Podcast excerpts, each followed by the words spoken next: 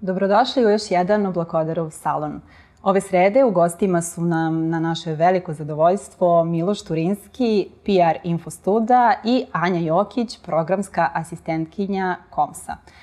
Miloše, Anja, dobrodošli. Bolje vas našli. Zdravo. I hvala što ste se odazvali. Tema o kojoj danas govorimo jesu mladi na tržištu rada i e, pre nego što zapravo dođemo do momenta da ste sada vi ti koji na neki način pomažete mladima mnogim od njih je to i prvo zaposlenje.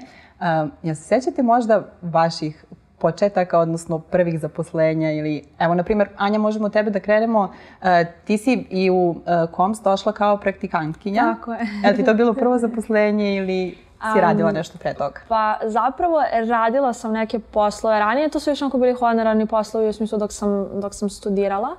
Um, I ja sam radila na jednom mestu ovaj, pre komsa, doduše najčešće zbog vrijednosti, prosto nisam delila vrijednosti tog mesta, tako da e, je to bio jedan razloga zašto sam to prestala radim, ali ovaj, jeste u kom sam došla kao praktikantkinja I zaista tu, ovaj, kad već pričamo o tržištu rada, smatram da je bitno da napomenem da na toj praksi zaista moj rad, rad se jeste vrednovao, da je to bila jedna plaćena praksa i isto tako da smo vrlo brzo nas tri koje smo bile u tom momentu na praksi negde uvidele da postoji mogućnost um, da ostanemo tu kao zaposlene. Zapravo naš tim trenutno broj devet um, članova i članica, od toga dvoje, dva su praktikanta, a svi ostali, gotovo svi ostali su došli putem programa praksa u KOMS.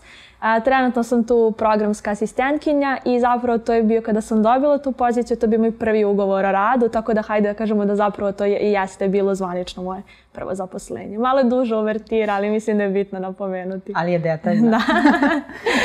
Miloše, kako je tvoje iskustvo? Manje više slična priča, pošto upravo u tome svemu zapravo i čuči taj put do posla baš bukvalno preko prakse, jer ja sam studirao uh, management u medijima na smeru za PR i marketing, ali su me medije interesovali šire u smislu novinarstva, pa sam se tako ovaj, prijavljivo za razne prakse tokom studiranja i poslednja mi je bila na televiziji u Novom Sadu, pošto sam tamo studirao i odatle sam, uh, gde su me posle te prakse, ta praksa je trajala nekih šest meseci i gde sam opet uh, za džabe radio, to je opet za sticanje tog znanja i iskustva, ali sam se tokom tih šest meseci izgleda i pokazao, pošto su mi posle šest meseci ponudili taj prvi posao na televiziji i ujedno to je bio tako i moj prvi ugovor na, o, a, za rad. O radu, da. da. O radu. E sad, e, pomenuli ste dosta stvari i nekako i Infostud i Koms rade sa mladima, kao što sam već pomenula, pomažu im da dođu do tog nekog zaposlenja, bilo ono prvo ili kakvo god zadovoljavajuće recimo, jer svi teže ka nekom poslu na kom će biti zadovoljni.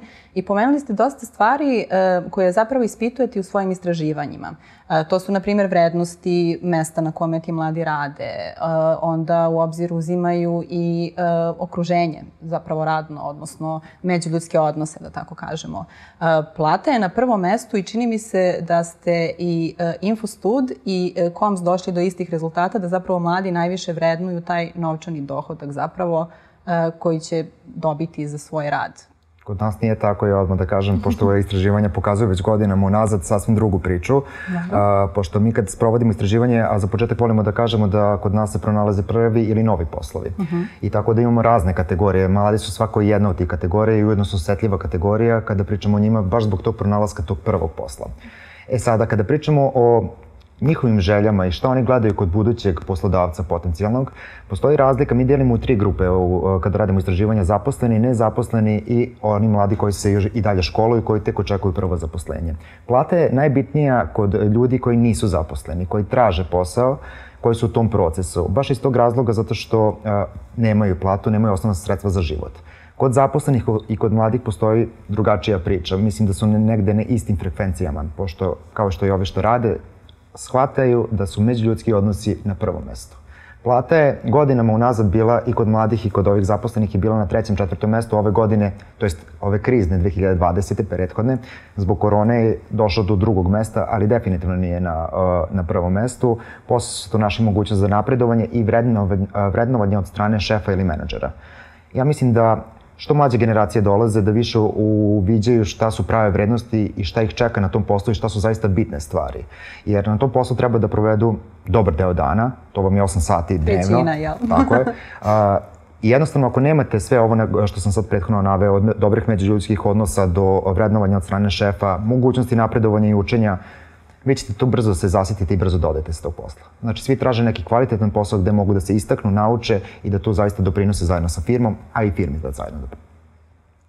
Ovaj, a, mi negdje dolazimo do sličnih podataka, do duše a, kroz alternativni izveštaj o položaju potreba mladih prvenstveno ispitujemo ove temu, međutim on je dosta uopšteni, tako da nisu na ovaj način diverzifikovani podaci, tako sam vrlo ja zadovoljna onako da, da čujem na koji način je, postoji neka gradacija, ali da, svakako jeste da je plata jedan od bitnih faktora, ali za, stvarno ne zaostaju želja za napredovanjem, um, to ka, koliko je radno okruženje bitno, ali isto, isto tako i koliko je radno vrijeme. Tako da su to negde zaista um, faktori koji su mladim ljudima bitni. Nije, nije da je plata primarna. Mm -hmm. Samo bi se nadovezao, upravo se to desilo 2020. tokom godine korone. Mi, na primjer, nismo imali svih prethodnih godina fleksibilnost uh, kao stavku što se tiče radnog vremena i radnog odnosa. Ona se prvi put pojavila da su mladi najviše istakli da im je fleksibilnost rada od kuće, rada iz kancelarije i radnog vremena. Jedna od bitnijih stavki našla se čak na petom mestu. To se nijedne godine prethodnih nije, nije dešavalo. Da, mislim, pandemija je svakako promenila uh, dosta okolnosti i životne, pogotovo ove uh, situacije na tržištu rada.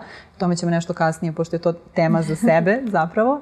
Ali um, evo, uh, kada govorimo uopšte o, o mladima i njihovom interesovanju za taj neki prvi posao, uh, čini mi se da uh, se oni sve ranije interesuju, da uh, ostvaruju neku finansijsku dobit radeći neki posao.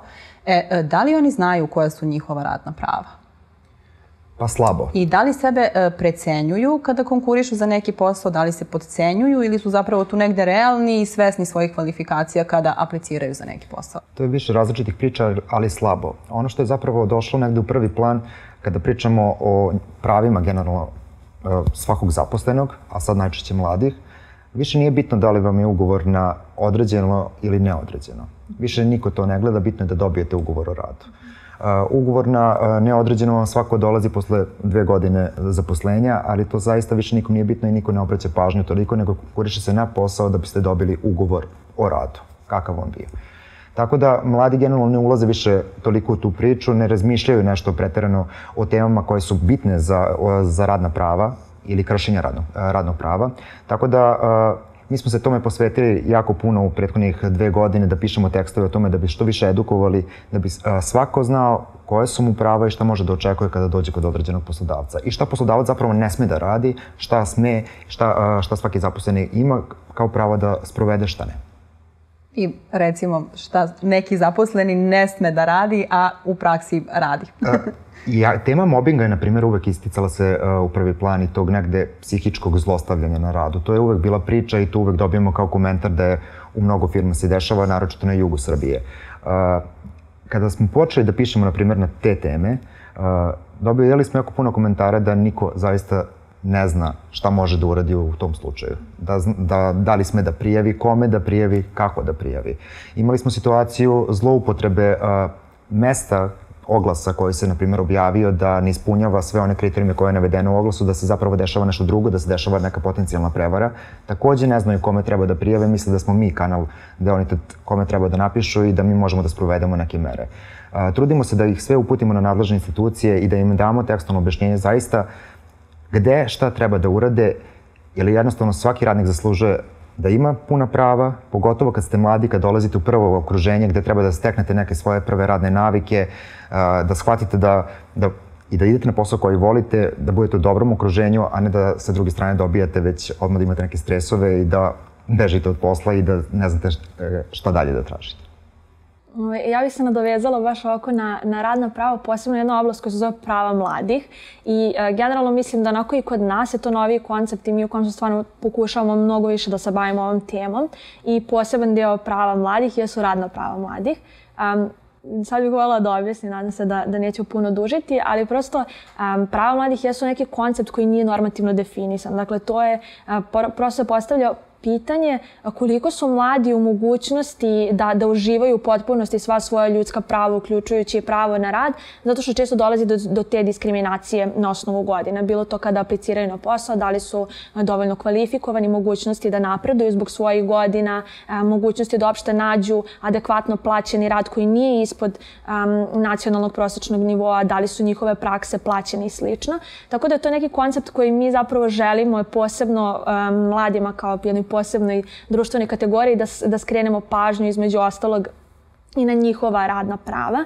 E, čini se da nisu svesni, e, obzirom da i dok sam ja još bila na studijama, negde kada smo i mi pronalazili prve poslove, prve prakse, često je to onako, su mladi ili bar moji prijatelji iz okruženja, čini se i drugi mladi, e, bili voljni da rade volonterske poslove i to je onako jedan veliki problem obzirom da se volontiranje i, i, i praksa i sticanje praktičnih iskustava često mešaju i da se zloupotrebljavaju ovi, um, ovi termini ili negde kažem svesno ili namerno mešaju. Um, ali iz prostog razloga da, mladi su spremni da rade neplaćene prakse zato što smatraju da im je to, da će im to omogućiti da kasnije nađu bolju poziciju. Onda se zatim postavlja pitanje gde je i kako um, evidentirana ta njihova praksa, na koji način se dalje vrednuje. Tako da to svako predstavlja nešto što je kršenje njihovih radnih prava, a na što oni pristaju jer prosto nisu svesni da postoji nešto što bi moglo da štiti. Kao što sam rekla, sama prava mladih nisu, um, nisu normirana, ali svakako da postoje određeni mehanizmi na koji oni mogu da se, da se štite kao, e, da se zaštite kao mladi ljudi ili kao ta posebna kategorija, ali mislim da oni nedovoljno znaju i nedovoljno prepoznaju značaj ovih mehanizma. I e, istraživanje, e, to, taj alternativni izveštaj zapravo koji si ti Anja i pomenula, koji je KOMS objavio za 2020. godinu, je pokazao da su mladi uglavnom zadovoljni poslovima kojim se bave. I sad, je li to u skladu sa vašim, Miloš, istraživanjima, jel mladi traže i druge poslove, pa to pokazuje da baš i nisu toliko zadovoljni ili ipak jesu? Traže idealne poslove zapravo i... Što zapravo ne postoji. Tako je. Mislim, morate pronaći posao koji volite, ili kad, a i kad pronađete posao koji volite, opet ćete tražiti nešto idealno u toj oblasti.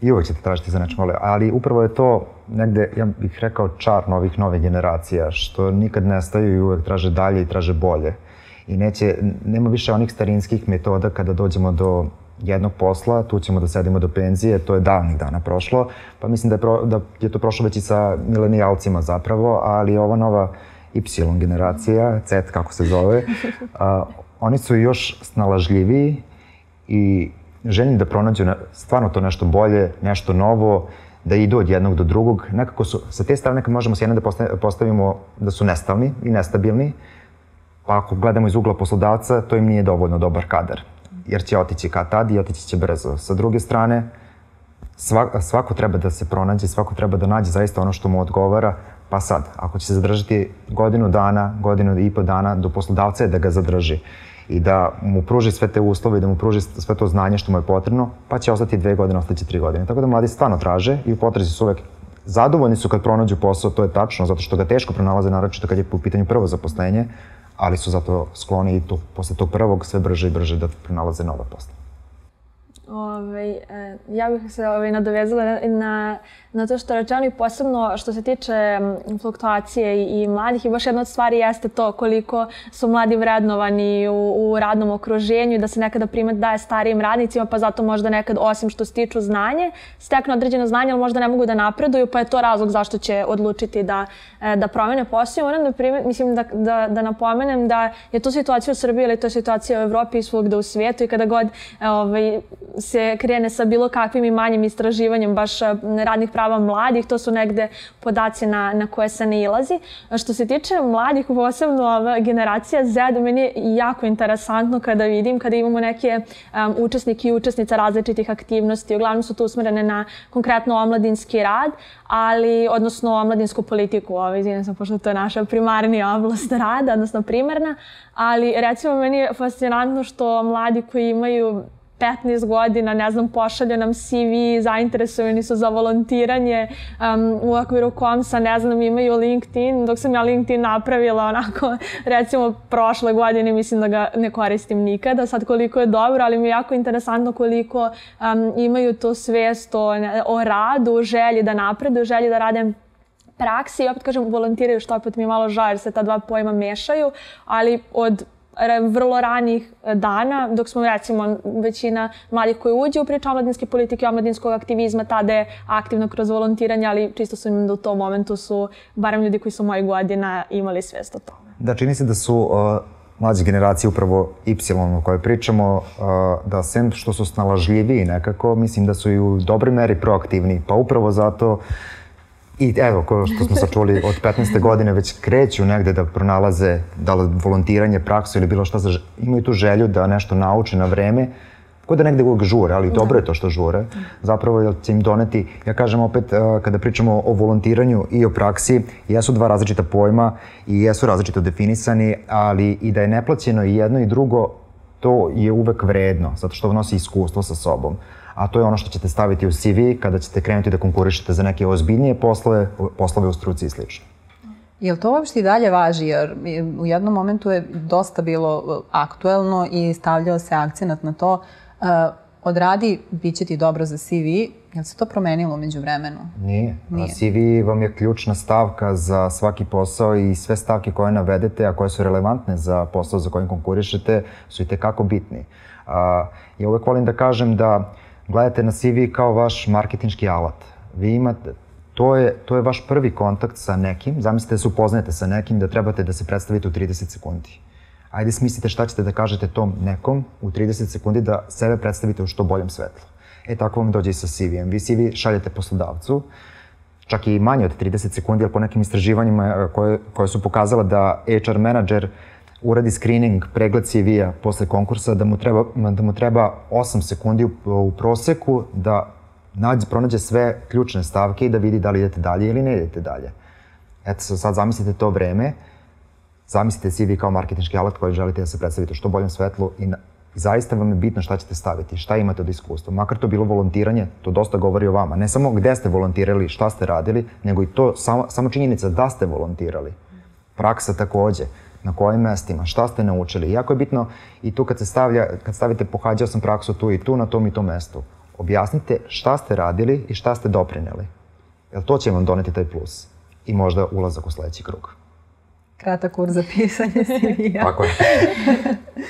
Ja bih se nadovezala i ovo, mislim da nije loše ne kao, nužno kao radno iskustvo, ali pomenuti uvek je volontersko iskustvo zato što se to pokazuje želja pojedinca i pojedinke da doprinese svojoj zajednici. Bilo to neka lokalna zajednica, bilo to neko okruženje i pokazuje određenu proaktivnost, što mislim da možda u nekom momentu smo izgradili školsko igralište, ali u sledećem ćemo biti spremni da u nekoj firmi kompaniji doprinesemo, budemo proaktivni, um, dajemo određene predloge, sugestije. Um, mislim da je, ne znam, mislim zapravo da jeste CV bitan i ukoliko je usmeren. Mislim, veram, mislim da postoje neko ljudi koji malo vole da svaštare, pa ukoliko na, navedu iskustva koje možda nisu nužno za poziciju relevantna, ali ukoliko zaista imamo negde fokusiran pristup i aktivnosti kojima pristupamo, naravno verujem da možemo imati više različitih oblasti interesovanja ukoliko su negde slična, ali mislim da nas onako i profilišu sve i da je to bila praksa, sve da je to bilo volontiranje, um, omladinske ili studentske razmene, pokazuje šta je to nešto, šta smo mi naučili, koje su to naše oblasti interesovanje ili u ostalom ekspertiza u kojoj želimo da se gradimo. Tako da mislim da svakako da je bitno. E, I negde dolazimo do zaključka da zapravo formalno obrazovanje nije toliko bitno koliko je ono neformalno zapravo e, da kažemo presuđuje u tim nekim situacijama. Da, kao formalno je svakako neophodno, ali bez neformalnog... Ne bih ja isključivo jedno od drugog, svakako oba su zaista vrlo bitna, ali da, neformalno je ono što, sve što ste doprinili, sad smo čuli upravo, ja uvek govorim, nije samo i praksa i volontiranje, ali studentske organizacije govore dosta o vama. Znači vi ste nešto radili, ta proaktivnost je zaista ono što doprinosi što vas izdvaja od drugih. Uvek. Znači, i za prvi posao i za sve dalje što konkurišete.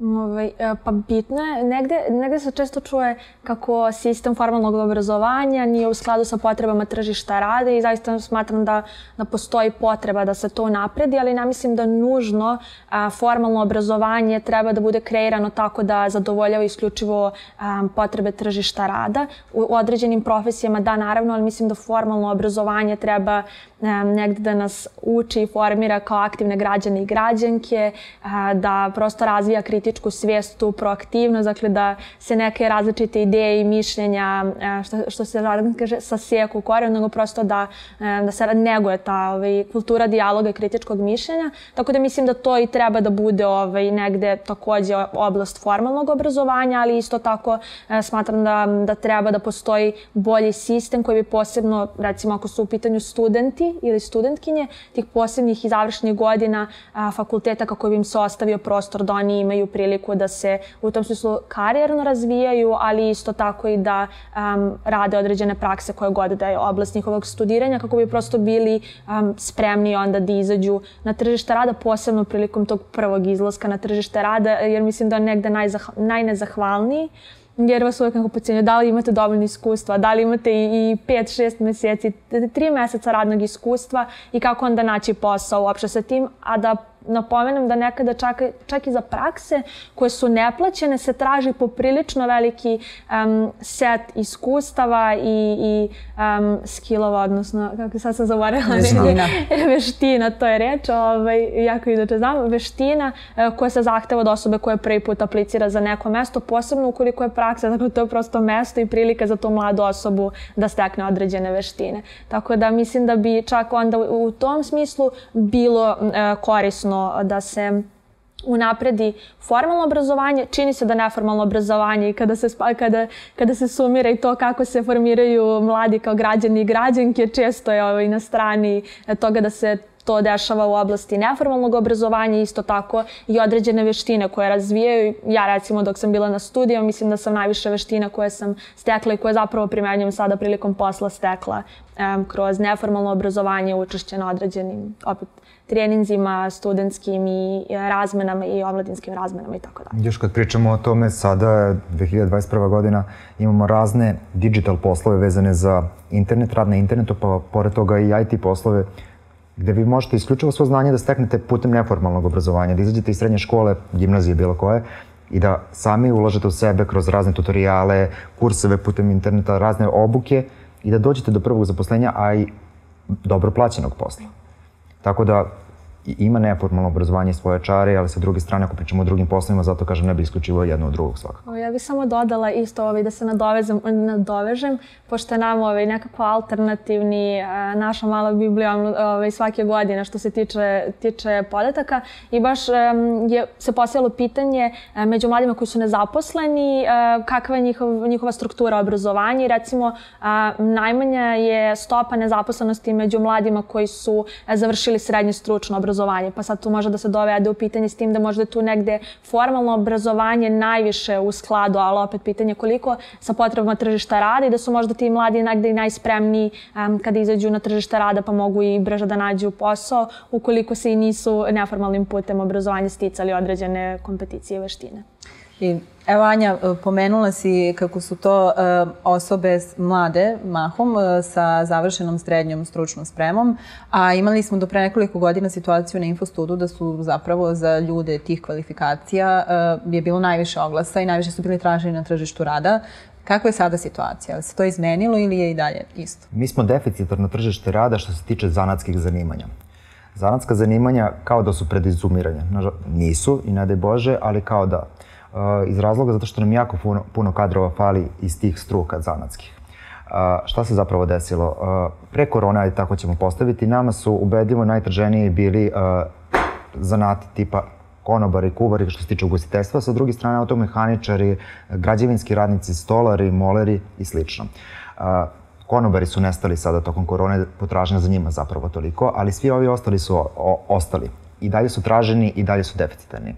A, desilo se to da svi smo mi negde, ja mislim, više manje te generacije gde su nas roditelji uvek terali školuj se da bi da ne bi ostao bez posla, to jest da bi našao posao. Upiši fakultet da bi se lakše zaposlio. I svi smo onda upisivali fakulte, fakultete i svi smo se školovali da bi se lakše da zaposlili. Da sad ne bismo imali posao. I onda su nekako sva ova zanimanja uh, zanatska pala u drugi pa i treći plan i nekako kod da je postalo sramota baviti se time.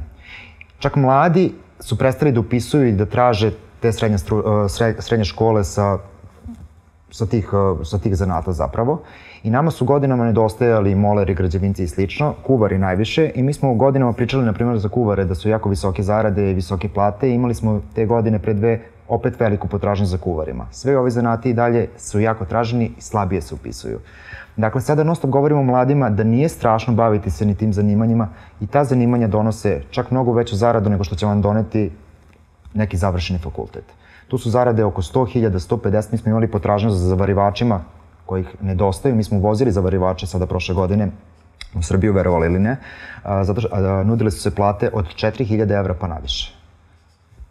A nema ih. A nema ih, da. Uh, Anja, ka, šta je pokazala mala Biblija Komsa?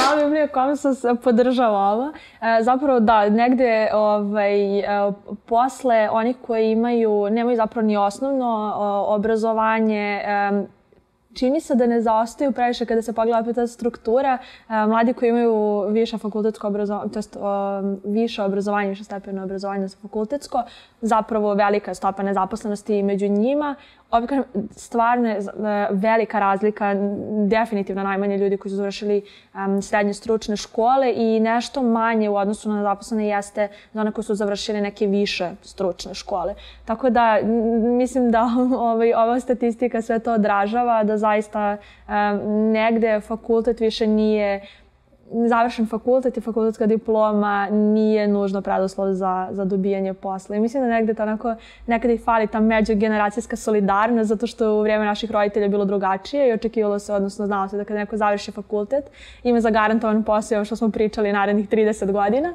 a dok ovde, dok trenutno među našom generacijom to nije slučaj i dosta se teže pronalazi posao. I svi su upisivali mahom godinama i to je godinama trajalo uh, zato što je bilo prestižno. Uh, pravo, ekonomiju, medicinu, a to su bili poslovi koji su pretrpani i gde se nije, gde nije bilo velike potražnje za tim kadrovima. Mi smo imali situaciju pre izbijanja krize sa koronom da je medicinski fakultet najtraženiji i najviše ga ljudi upisuju. A svega, na primjer, kod nas je bilo svega 2% oglasa koji su se odnosili na medicinsku struku. I šta se zapravo dešavalo? Ti ljudi su odlazili u inostranstvo da bi našli posao. A svi ovi drugi koji su nam falili kadrovi, nam nedostaju zato što se ne upisuju i smanjuju se kvote, tako kako srednje škole, kako ne dobijaju uh, đaki koji hoće da pohađaju određeni smer, tako smanjuju kvote i jednostavno kadrovi su izumirali u tom momentu. I čini se da je nekako uh, ta generacija, pominjali smo ih do sad milenijalaca, što ja mislim da i mi ovde svi jesmo, uh, nekako je bila prelomna i zapravo su oni sad nekako nesnađeni, to jest mi, jer e, se e, dosta situacija na tržištu rada promenila e, i, i dalje sad imamo neke roditeljske savete ili slične stvari, ali kako je sad to uticalo na generaciju koja je došla posle milenijalaca, zapravo tu generaciju Z? Čini se da su oni sve više okrenuti ka digitalnom i je li to onda budućnost ili šta zapravo treba gledati? Da li treba školovati sebe za posao koji nam se potencijalno dopada ili mi mislimo da nam se dopada ili zapravo treba da pratimo tržište rada i da gledamo šta se tu traži.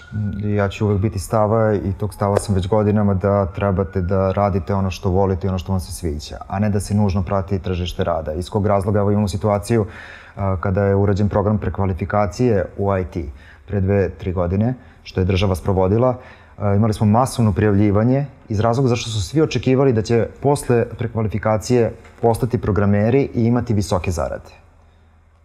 Ne možete da se bavite poslom koji ne volite i koji ne razumete samo da, da bi imali visoku zaradu. Jer to ne vodi nikuda. I ti svi koji su bili na programu prekvalifikacije nisu shvatili da im je to samo osnovni korak da oni moraju da se nadograđuju, da uče tokom celog života i da ulažu u sebe i u posao da bi dobili tu visoku zaradu, nego su mislili po izlasku gotovo.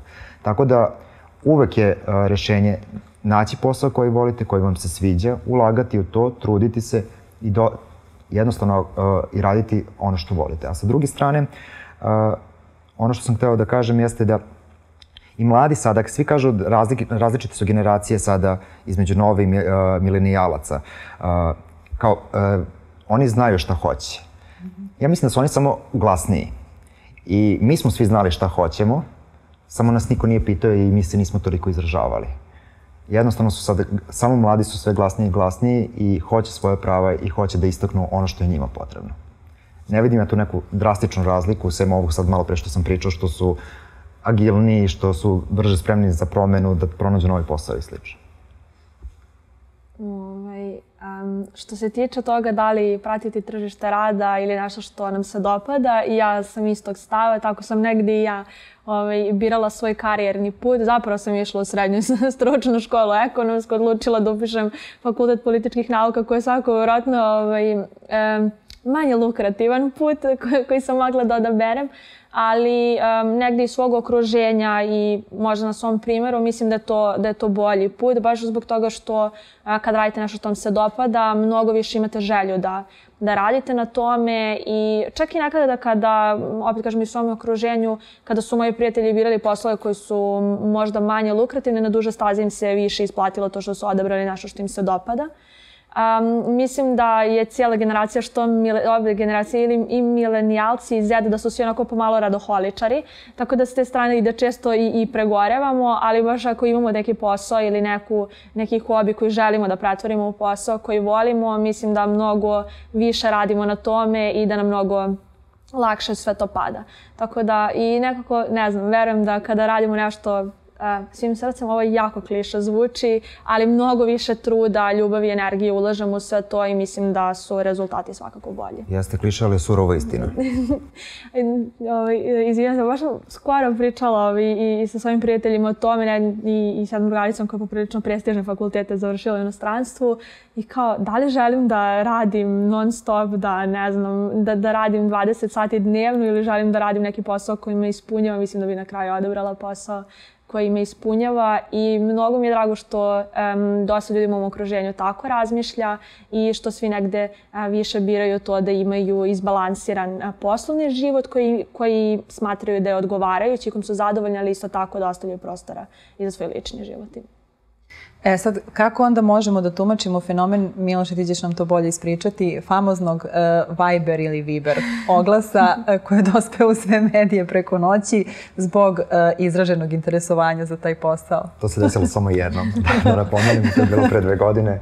Uh, zapravo, uh, poslodavac je bio stranac iz Amerike i Kod njih je verovatno to aktuelno, pošto, ali oglas je bio tako nedefinisan da su ovde mnogo e, digli buku oko toga kako neko može dete čuvati, malo dete kako, e, preko Vibera da ga gleda putem kamere. A zapravo e, poslodavac nije objašnjavao šta se zapravo i kakav je američki zakon mislim da i kod nas slična priča važi, nisam siguran, ali u Americi je sigurno da vi dete mlađe od 13 godina ne smete ostavljati samo u kući. Dakle, ovo se odnosilo na dete koje je starije od 13 godina, da jednostavno budete u komunikaciji sa njim, da pričate, bilo je potrebno poznavanje engleskog jezika, dobra internet konekcija i smart telefon, to su tri kvalifikacije koje je traženo od vas. E, upravo zbog toga je bila velika potražnja i mi smo to je sede, uh, u toku jednog dana, 24 sata, ako se ne varam, imali preko 1300 prijeva za taj oglas za posao. Ali evo, to su vam kvalifikacije, znači vi možete sedite kod kuće na vašem mobilnom telefonu, satnica je bila duplo više plaćena nego što je to ovde normalna satnica dadilje i ništa se nije očekivalo od vas, sem da razgovarate s tim detetom. To je lak posao i lake pare, što bi se reklo. I to objašnjava jednostavno taj veliki broj prijava. Taj oglas se više nije pojavljivo, kako se završio, ovaj, ne znam, pošto velika buka, ne znam kako je poslodavac reagovao na to, pošto toliko velika buka, ja, se, ja ne pamtim da je bila dignuta oko nijednog oglasa za posao, ali eto, desi se. Je li to bio posao neki dugoročni ili Uh, oglas to nije navodio, jednostavno ovo su kvalifikacije koje su bile potrebne. Da li je neko dobio posao, pošto mi nemamo uvid u to mm -hmm. ko je dobio posao, ko ne, da li je poslodavac nekog zaposlio, šta se zapravo desilo dalje, da li je neko se bavio tim poslom, to, tu informaciju nemamo, ali, kažem, ponavljaju se nije, tako da možda ta neka osoba koja je dobila posao i dalje radi taj posao, to nećemo znati. Da.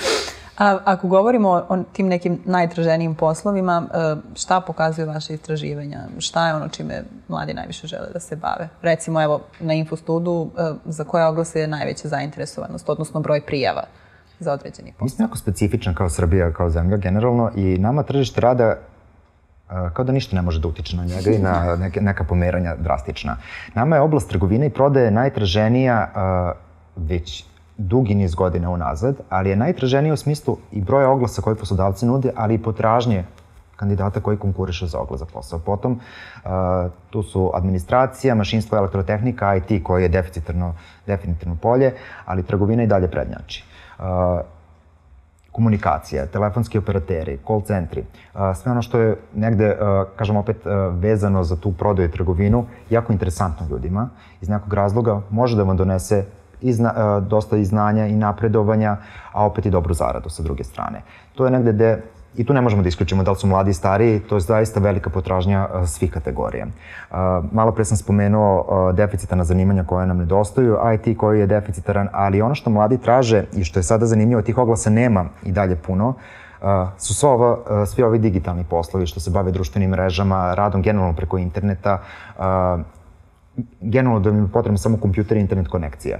Mladi nekako su sve skloniji da ističu svoju kreativnost i da pokazuju svoju kreativnost kroz razne načine. Pa sad da li se bavili dizajnom, da li vodili društvene mreže, bilo što slično u toj kategoriji. Tih oglasa, kažem, nema puno i to su uglavnom agencijski poslovi sada. Agencije same sebe negde oglašavaju, ali, kažem, mladi vole sve što je vezano sa internetom da budu, da budu online i da se time ujedno i bave. Ako možu, mogu na telefonu, na telefonu. Jel to onda znači da, je, da su digitalni poslovi, poslovi budućnosti Jesu u velikoj meri svakako, ali ako pričamo o digitalnom, ja tu ne isključujem ni IT i sve, to, sve su ti poslovi budućnosti i idemo u tom pravcu. E sad, kako će se to razvijeti na našem tržištu, to ostaje da, za sad ide u dobrom pravcu, u kom će obliku to biti, to ostaje da vidimo u nekom narodnom periodu. Čak nas ni ova korona nije poremetila zapravo kada pričamo o potražnji. Mislili smo kada je u jednom momentu se desio uh, pad da će se izmešati ponuda poslova, šta će zapravo se, šta će se popeti na neka prva mesta, šta će pasti, šta će nestati i slično. Uvek pitaju koji poslovi nestaju, koji su, se, koji su nastali. Za, zapravo sve je ostalo isto. Samo u manjem broju. I ne drastično, ali sve je ostalo isto na našem tržištu. Čak i u regionu, sad sam imao neke regionalne podatke, zapravo za ceo region a, smo radili istraživanje, ništa se nije promenilo. Balkan kod da stoji mirno šta god da se desi. Osim recimo produktivnosti ljudi koji su radili od kuće, evo kom si recimo istraživao o tome i podaci su bili e, takvi da e, su mladi bili manje produktivni na radu od kuće, pokazalo se u vreme ove pandemije. E, koji su se faktori uticali na to? Ovaj, pa, e, obzirom da se to odnosi baš na istraživanje koje ispituje položaj potrebe mladih u kontekstu, kontekstu COVID-a, pa jeste pokazalo se da, da, da su bili manje produktivni. E, međutim, mladi, dobar deo njih je zapravo i radio e, manje radno vreme. Meni je recimo bio zanimljiv podatak da većina u redu za vreme ovaj, vanrednog stanja jeste bilo smanjeno radno vreme, ali čim se završilo vanredno stanje, da zapravo negde u proseku najveći broj mladih je radio od 8 do 10 sati, odnosno radili su više nego inače. Um, moguće je da je razlog prosto prezasićenost e, jer smo konstantno svi bili u zatvorenom prostoru i negde su to i komentari ljudi koji dalje rade od kuće da im je prosto dos, dosadno i da se umore, da konstantno provode vreme u istom okruženju, da nemaju priliku da izađu ili da imaju neku rutinu. To svakako takođe um, razlog zašto mogla da im padne neproduktivnost jeste zato što su mladi zaista bili zabrinuti. Ne nužno svi, ali negde oko 30% mladih je bilo i u toku vanrednog stanja i nakon zabrinuto opšte za, za svoje poslove. Bili su zabrinuti ne samo za poslove, nego za svoje zdravlje, ali mnogo više za um, zdravlje svojih bližnjih ljudi, tako da to su sve neke stvari koje su mogle da utiču na to da se osjećaju loše, bilo uh, psihički loše zato što su zatvoreni, zato što brinu za zdravlje sebi bliskih ljudi, um, svoje zdravlje i tako dalje, tako da mislim da, da sve te stvari, svi ti faktori na svačiju produktivnost mogu da, mogu da utiču um, isto tako i mladih ljudi. I e, negde podatak e, koji sam pronašla da je u aprilu mesecu za 70% e, pao broj oglasa, pričamo o prošle godini, dakle u vreme kada se pandemija zahuktala. E, na kraju se taj procenat ipak dosta, dosta smanjio i e, opet prema podatku koji sam pronašla, preko Infostuda je u 2020. godini 20.000 ljudi dobilo posao. U prvih 8 meseci. Je li tako? U prvih 8 meseci to je bio podatak koji smo pustili tamo negde krajem septembra, početkom oktobra. Da, ali taj april i to vanredno stanje je jednostavno učinilo da tržište rada u Srbiji stane. Uh, u istom tom momentu kako je stalo tržište rada, tako je stalo i tržište praksi što je uticalo na sve segmente. 75% je su pale ponude. Ono što je ostalo u tom datom momentu bilo je upravo sektor uh, trgovine i prodaje, zato što, uh, ali za prodaju životnih namirnica, toga smo svi svesni da je to jedino funkcionisalo i jedino radilo. Transport u smislu dostave i kurira, dostavljača. I to su jednostavno sektori koji su održavali tržište rada da i dalje funkcioniše. Sektor proizvodnje, FMCG, industrija, farmacija, telekomunikacija. Ali 75% je stalo. Kako smo izašli, maja meseca tržište rada se je krenulo da se oporavlja, da se to se negde sve vraća u normalu, pa tako i tržište rada, ponuda poslova i ponuda praksi. Čak smo imali ono što je zanimljivo za mlade uvek bilo i to je kod malog broja poslodavaca se zapravo desilo, da su bili spremni u onom momentu kada smo svi radili od kuće, da ponude da se praksa obavlja od kuće, da bi mladi dalje imali mogućnost da pohađaju praksu, steknu iskustvo pod novonastalnim okolnostima. Tako da smo imali i tu priču sa tim praksama od kuće. Uh, Što smo pričali? Zapravo to smo i mi primetili, baš nam je bilo zanimljivo, pošto obzirom da, da u komsu svake godine postoji ovaj određeni ciklus praksi kada, kada dolaze novi ljudi na prakse, zapravo u tom momentu i jesmo razmišljali kako će, ukoliko se prolongira vanredno stanje u tom momentu, nas tri o kojima sam pomenula na početku smo bile praktikantkinje, I onda smo razmišljali da li ukoliko se nastavi, da li ćemo i mi onda da radimo remote e, prakse, kako ćemo to da, da adaptiramo, kako ćemo onda ljude da uključimo u aktivnosti, ali to je onako i nama bilo poprilično interesantno i razmišljali smo da, da i mi nešto tako uradimo, baš zbog toga što se program praksi pokazao u kojem su kao vrlo uspešan i nismo želeli da, da, da se prekine i da zbog e, vanredne situacije onemogućimo nekim drugim mladim ljudima da um, steknu određene vještine. I promenio se svakako i promenila se i ta želja mladih da napuste Srbiju, što je logično, jer u protekle godini to i nije bilo moguće, ali kao, navodi, e, kao razlozi za ostanak e, su se zapravo navodile neke stvari koje nisu baš zadovoljstvo životom ili standardom životnim, kom si je isto objavio te podatke. E, šta možemo očekivati u budućnosti? Sad je sve neizvesno zbog situacije i razvoja situacije i kako će ova 2021. izgledati generalno.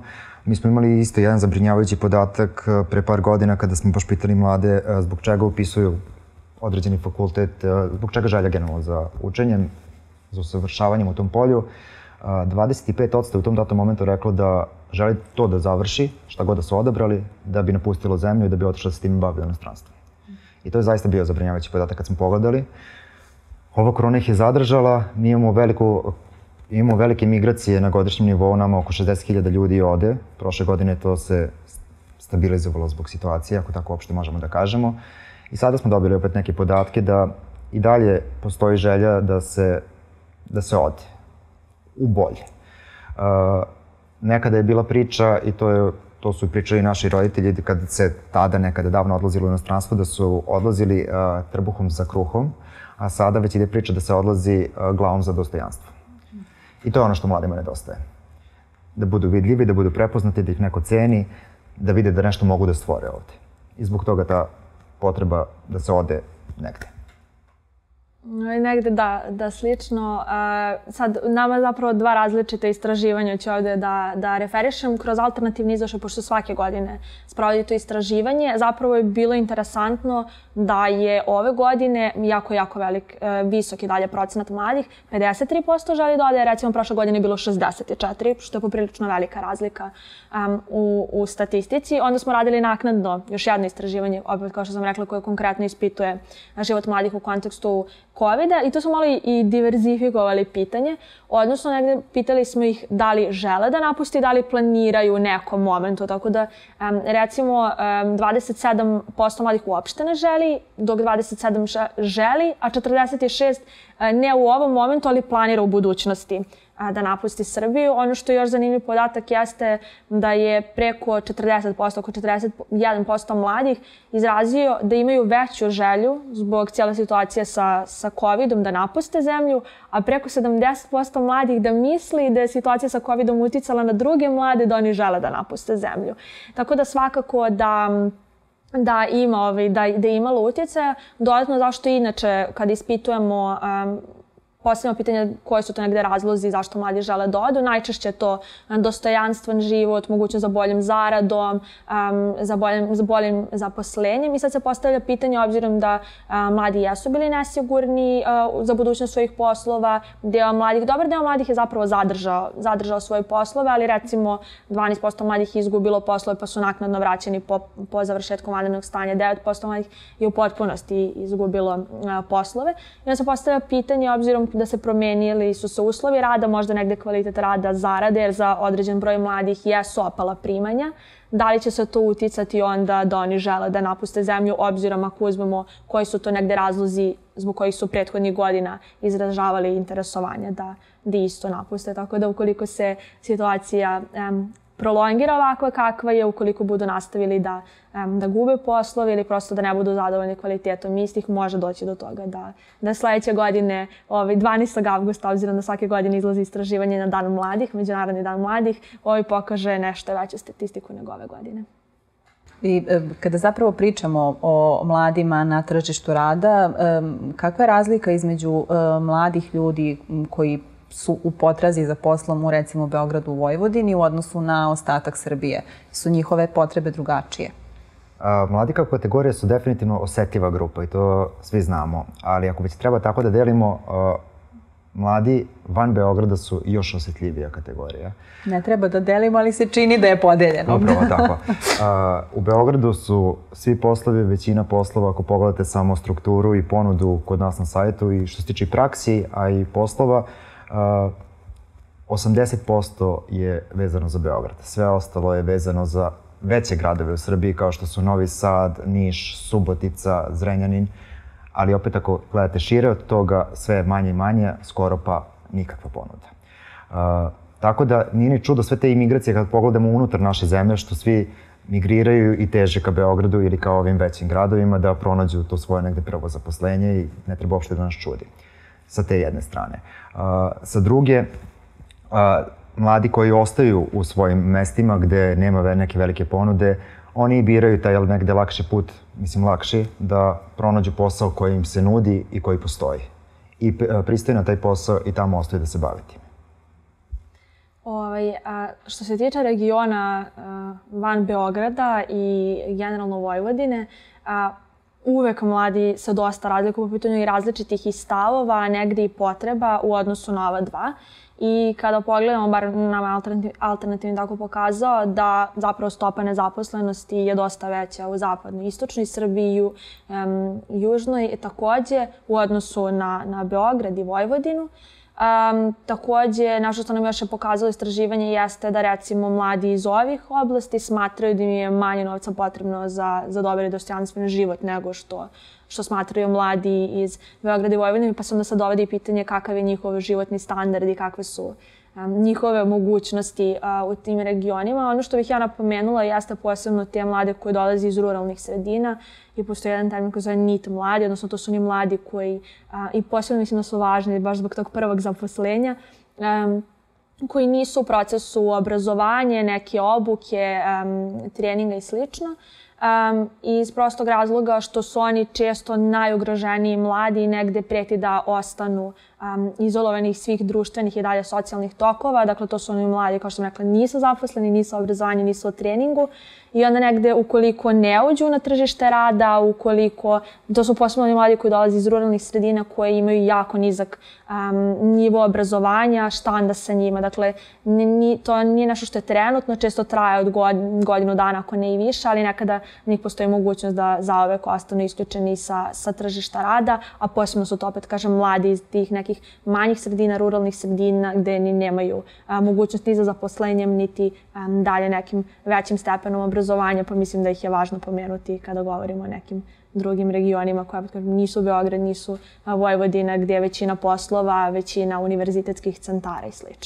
I zato je bitno uvesti ih jednostavno na to tržište rada kroz razne načine i razne kanale, jer moraju da shvate da sama potraga za poslom je posao za sebe. Uh, imam utisak da uh, mnogo mladih to ne zna, ne zna i ne shvata, nego doživljavaju to kao uh, i kad sastavim neki CV, neki opet namerno kažem, poslaću ga na 100 adresa, pa šta bude. neko će se javiti. I uvek zato ih edukujemo od samog početka, od kad uopšte kroče na tržište rada i pre nego što možda kroče na tržište rada, šta je zapravo i kakav je to proces pronalaska posla. Šta treba da znaju o CV-u, propratnom pismu, kakav CV treba da bude, šta sve treba da znaju što e, će da ih se tiče u nekom datom momentu, kroz razne edukacije, webinare, seminare, Uh, kroz mnoštvo YouTube klip, uh, klipova, tutoriala koje radimo, da se što više nauče i da što više sagledaju tu tražnju za posla kao posao i da kada priđu tome, da pristupe tome kako treba. Jer to su svi koraci koji će ih dovesti ili bar istaći kod tog poslodavca gde će u jednom momentu konkurisati. Ja bih se samo nadovezala, onako sad razmišljam kako ovo slušam, ali stvarno čini se da ta pronalazak posla, ako ne full time job, onda half time job u svakom slučaju, jer prosto potrebno je pronaći, istražiti različite konkurse, pronaći ono što je u skladu sa našim kvalifikacijama, interesovanjima slično, prilagoditi naše motiv, pismo, CV i tako dalje. Tako da mislim da svakako potraga za poslom jeste neki, kao što se rekao, posao sam za sebe. I evo umesto zaključka, jel bi to ujedno i bio neki vaš savet mladima da to shvate kao posao za sebe, pronalaženje posla? Sa našeg savjeta Posla Infostude definitivno od nas uvek odlazi taj savet. Da pristupe i pisanju CV-a, kao zaista veliki posao, prilagođavanju onda istog za razne, različite oglase za posao, takođe i drugi posao, pisanje motivacijenog pisma, jer vi pristupate poslodavcu i morate da nađete poseban način od ispitivanja, sa što smo do analize svega živoga, to nije samo CV send. Znači, zaista treba da se edukuju o svemu, imaju na sajtu, mi zaista radimo na tome već godinama, ako nije na našem sajtu, uvek kažemo istražite sve moguće pre nego što uopšte pošaljete vaš prvi CV. O samom poslodavcu, makar putem društvenih mreža, interneta, drugih kanala, od nekog prijatelja, porodice, onda pronađite u tom radnom mestu da li vam uopšte odgovara, da li želite time da se bavite. Pristupite onda tom pisanju CV-u pa dalje. Zaista a, morate da radite na tome i da pristupite tome kao posla, što sam malo pre rekao. Oj, pa mi u, u kom su se ne bavimo toliko razvojem te vrste veština, ali svako da se bavimo zagovaranjem za prava mladih, pa ostalom i, i radna prava mladih, ali ono nešto kao što bih ja iz eh, perspektive komsa um, savjetovala mladima jeste da zaista um, poštuju sami svoja radna prava, odnosno da možda i ne prihvataju određene a, poslove, prakse za koje smatraju da ne poštuju njihove prava, da ukoliko su, koliko je posao, znam da je to teško i govoriti poprilično privilegovano nešto da, da izgovorim, e, jer nekada zaista da određeni moraju da prihvate određene poslove iz prostog razloga što im od toga egzistencija zavisi, ali ukoliko imaju mogućnost da to ne čine, da negde biraju poslove koji, um, i okruženje koje zaista vrednuje svoje zaposlene, posebno one koji su mladi, kojima um, daje se prilika da, oni, da je to okruženje koje adekvatno uh, i novčano nadoknađuje taj rad, bilo da li je praksa, bilo da li je um, zaista zaposlenje u smislu ugovora o radu, ugovora o autorskom delu i tako dalje. I da prosto na taj način možda uspostavljaju određeni put i budu deo određenog pravca koji će za veći kontekst mladih, ve, veći obi mladih omogućiti da imaju um, dostojanstveno zaposlenje i dostojanstven rad. Opet ovde ne bih stavila akcenat i odgovornost na pojedince, to je odgovornost jednog cijelog sistema, ali ovde više negde savet kako mi kao pojedinci možda ukoliko opet kažemo imamo tu privilegiju možemo da doprinesemo a, boljem sistemu. I samo nek budu proaktivni no. i nek ulažu u sebe. Jer to je uvek dobar put. Anja Miloše, hvala što ste bili gosti Oblakodarovog salona. Ukoliko vam se dopada ovakav sadržaj, naš rad možete podržati i putem Patreona, a link se nalazi u opisu profila.